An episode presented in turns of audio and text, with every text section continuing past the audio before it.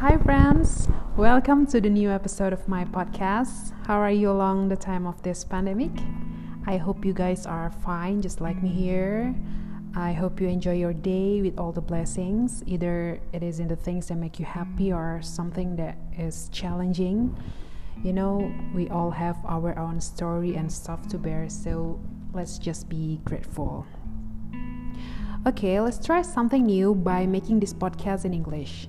I hope I have energy to make subtitle by the time I upload it later in video format on YouTube. I hope so.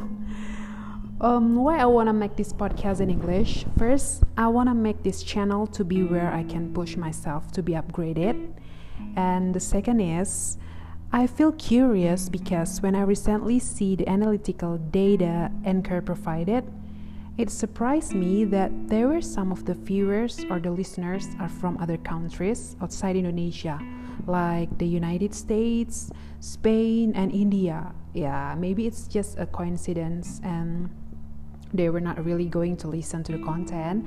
But I think it's worth of try since everyone in this internet line can access this content. And beside the book I am going to review in this episode is in English. So why not? Let's try. So let me testify first that my English is not so good enough to impress you, but let us encourage one another to be better and keep learning, for that is our nature because we are a human a learner as well. Okay, let's start. So, in this episode, I'm going to review a book written by Christopher Yuan and Angela Yuan. They have same last name. Yeah, they are son and mother. They are Chinese live in America, precisely in Chicago. They wrote this book based on their real life the journey of coming back home to the Father, our Godfather. I bought this book on May 2017 and start to read it just in time. And here I am making the podcast of the book that I have just finished at the end of September 2020. My bad. I bought this book by order after I came to their speaking session in Medan held by GRII, Gereja Reform Injil Indonesia, because I want to know more detail about their ups and downs, struggling to be good believer, and how God helped them and answered their prayers. I handed this book like a week or two weeks later. Mm, the title of this book is Out of a Far Country. I love the cover illustration, which is a silhouette of a guy walking in the fast ground. The blur effect make it clear to the idea that the guy is walking back out of the very far country, which I didn't understand until I finished reading it. Okay, let's be grateful for the sound of the birds. When you read it, it might remind you to this story in the Bible about a prodigal mm. son claimed inheritance and roamed and squandered his money until he had nothing but regret. The story is about Christopher that was discovered by his parents as a gay at the age of 16. It was an anguish and disgrace for Angela, his mother. She couldn't imagine how his future will be with abnormal sexual orientation. So she did everything she could to heal Christopher. After a lot of money spent and a series of counseling program by the expert, they thought Christopher was over that phase and ready to start a new life. But they didn't know that Christopher held tight that feeling all over his teenage life. He began to express his feeling in the college when he lived separated with his parents in Louisville. He didn't hesitate to come up as a gay among his college mates. The day he told his parents about the identity he thought he was became the most liberating day for him. His mother weep was nothing but a rejection for him to be a member of that family. He had everyone that compelled him to deny his inner feeling that was so strong and natural. He thought that his parent is not good enough to accept his natural feeling as a gay. This book was written with the stories of Christopher and Angela in turn, each turn. For me, it's such interesting that one event can be so much different according to who are telling about it with their own sense and perspective.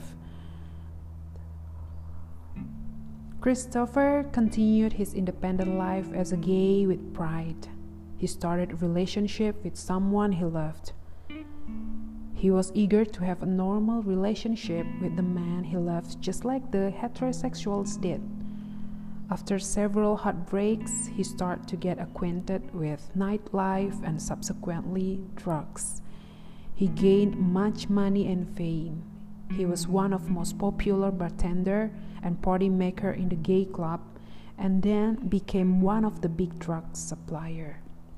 In this book, he described the sensation of many kinds of drugs like ecstasy and ketamine and many other drugs he had tried, if you're curious about it. Party after party, sex with good looking guys, even celebrities, good apartment, sports car, glamorous life. Everything was so blinding that he didn't care anymore about his dental school, even though the dean staff had warned him about his absence. After all the requirements he ignored, he got expelled from his doctorate school just few months before the graduation. It was nothing for him compared to his indulged life. Meanwhile, when life was going so delightful for Christopher, his mother Angela also shared about darkness, deep one, and hopeless to death. She lost her last and only hope in life, that was to see Christopher become the dentist, just like his father. She always dreamed for him get married, give her grandchildren, inherit and run the dental office she and her husband established. There was nothing to be real, no hope for her. Her life was never felt happy, even though they were succeeding in many things and complete on the outside. People used to think that their family is well, but her relationship with Leon, her husband, was totally lifeless.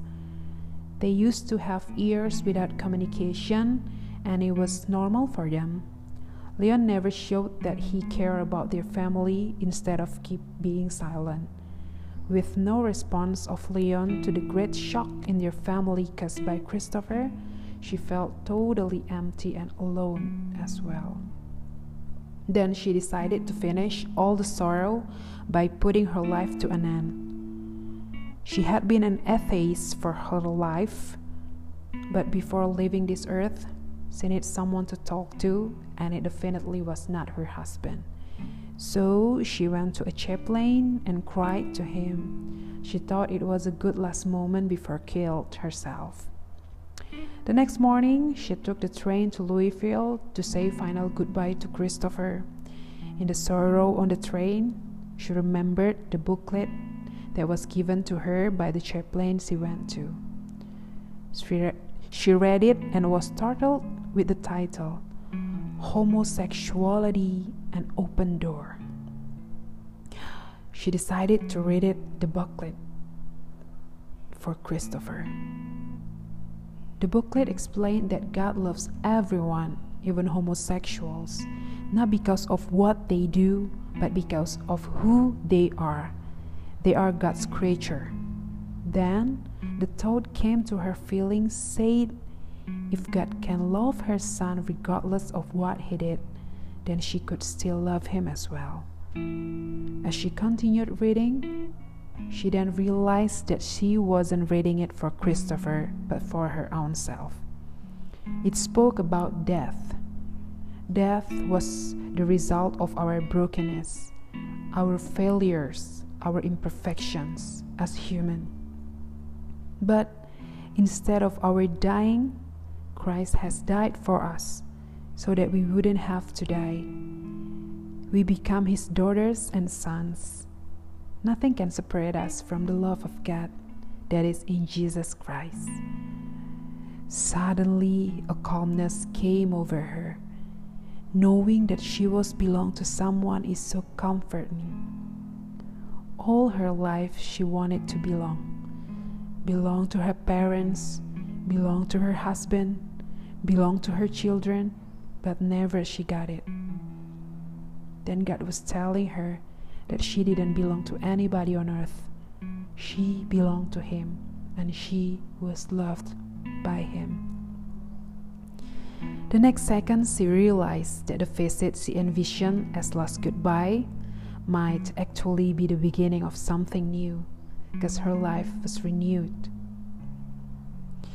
The next chapter she wrote in her turn, telling us about her growing faith from a baby believer to a steadfast and strong and persevere prayer, not just for Christopher, but also for her husband. She experienced God open her heart to be humble and accepted the nurture God brought on her. Leon at last accept Christ and it gave them new life with new relationship in their family. Together, they became more stronger and persistent, standing before God for Christopher. They learned to be patient and humble their own ego. Christopher became far away and cold. It took determination for them to be adamant and be strong in prayer. Angela told that she wrote every prayer and it became very long rolls of prayer, like uh, tissue rolls. At one point, a long deeper relationship and knowledge about God's authority and love, she prayed something that she called a bold and dangerous prayer. She didn't dare to ask much of God but Christopher to be saved. If it is not in this mortal life, then in eternity. She just wanted to see Christopher had received Christ before she died. Nothing is more. So she subdued all to God and sincerely let God did whatever it takes. Whatever it takes to make Christopher his son. On the other hand, in the midst of high life, Christopher gained. He got raided by DEA, Drug Enforcement Administration, and Atlanta police in his apartment that were his drugs business counter. Before got incarcerated in jail, he lost everything and lived such as a beggar. His body was always craving for drugs and sex, even though he couldn't afford for food. He had no money at all. It was abnormal life with no clear thinking.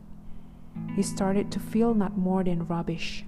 All became worse when he got tested positive for HIV. The weakness and lowest point in life brought him more open to his family. Because all his gay friends that he first thought as his real family were go away, they wanted nothing to do with him. He shared the sadness and the struggle with Angela and Leon. Even though Angela felt sad for Christopher, she realized that it was the answer for her prayer to God to bring Christopher back to him. He needed to be weak to see God's strength. He needed to be alone to feel God's love and companion. And even, Angela got more opportunity to share love to her son. Slowly, Christopher learned about God's love. He learned that he is more than just number. Number is the way he judged himself, because number is the identity an inmate called in prison. He then knew that was that he was loved and accepted. He started to believe that however it is, inside or outside jail, there was still a life to live for him. Being honest to himself, he had to revere God's holiness. Christopher also found out that even though God and his parents accepted him with his homosexuality, Actually, there is no verse, even one in the Bible, stated that God accepted it. He learned that even though it felt so natural from inside, a person had to be obedient to God. He is a man and will always be. One more thing he found out is the opposite of homosexuality was not heteros- heterosexuality, but the holy sexuality. It ought to be done only a only in a holy marriage. He got sentenced to six years in prison, but with a good deed in jail and cooperating to help the attorney to judge other big drug supplier, he only had to be incarcerated in three years. And there he lived his new life in God, in the place people thought God wouldn't be there. After finish his sentence in prison, he came to Bible Institute and graduated with Master of Arts and he ministered to teaching in Moody Bible Institute and took part in speaking ministry over four continents. By the time this book was written, that is 2011, he had just begun her, his first year of doctorate of ministry program that focused on sexuality and celibacy. Let's pray for him so God will help him minister other as long as he live. Moreover, he has to deal with HIV that keep weaken his body. So that is a small highlight to give you idea of what this book is about. The person that came back out of a far country, apparently not just Christopher, but also Angela and Leon as well, or maybe us. Many times my eyes were in tears when I imagine how a person created by God with kindness can be so broken and become so far away from the real goodness because we are steeled by our own desires. But in other hand, I fell into sadness for Angela, whose life is so succeed according to humanity measure, but totally empty inside. Maybe we have same kind of feeling in different case.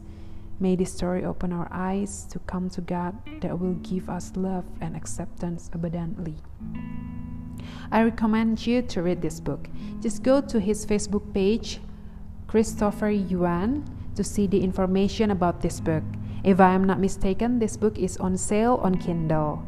I'm sure that you will get the lessons for your own different from mine. Let me write down my lessons from this book here. First, when we pray, focus on what is eternal more than earthly desire that is temporary. Second, God doesn't work according to our way, but He has the perfect way that we must believe in. Third, when God fixes something, it will be entirely and not just in the small thing that we think is wrong. Sometimes it hurts, but we must obey and persevere. Okay, friends, let's not stop to learn and share. Give me your input through WhatsApp if we keep number each other or comment to make me better. For the last I encourage you to try read and speak English not just for a particular goal like scholarship or another high goals, but at least to extend our ability to thinking and focus. Especially you that are in the same age like me, let's keep optimizing our brain's work. Um, for a short story, I restart have the willingness to maximize my English and have the courage to speak in English when I attended English camp held by LCE. I thank God for that occasion. I uh, in I attended in 2017. I purposely take my day of working and enjoy the occasion for three days. Something changed in me was not actually my English ability yet, but the mindset. I formerly thought that pronunciation is not important, and I, and I had no confidence to speak the right way. But then I knew that good pronunciation leads us to good listening ability, and good listening lead to good understanding more effectively when we have a conversation with others. Each session of talk, discussion, and games with people who were mostly younger than me make me realize that I became older, that I have no audacity to practice my English. My pride is too high. It's not about the age of my body, but my soul. When I was surrounded by young spirited people that didn't hesitate try to talk in front of others members, even though their English were not so good. Actually, their English is same like me, but I felt shame to myself for not having the same braveness like them. The learning atmosphere brought the, by the facilitator was also so good. We didn't just talk about English itself, but many principles of life. They were so much interesting. Like their name, Learning and Cultural Exchange LCE, we also got fun information and stories about other countries' culture presented by the native facilitator. I always want to come back someday. I always. During this pandemic, they have online class that you can check out on your Instagram at LCE Medan and maybe it can be the choice for you or your siblings or anyone that you wish to be established. About how I push myself to learn English after the English camp, maybe I will share it in the other episode of podcast or short video. Um, so yeah, hope it will be uh, mm, real real. Hope it will be real soon. So it's all for this podcast. See you in the next one. Bye.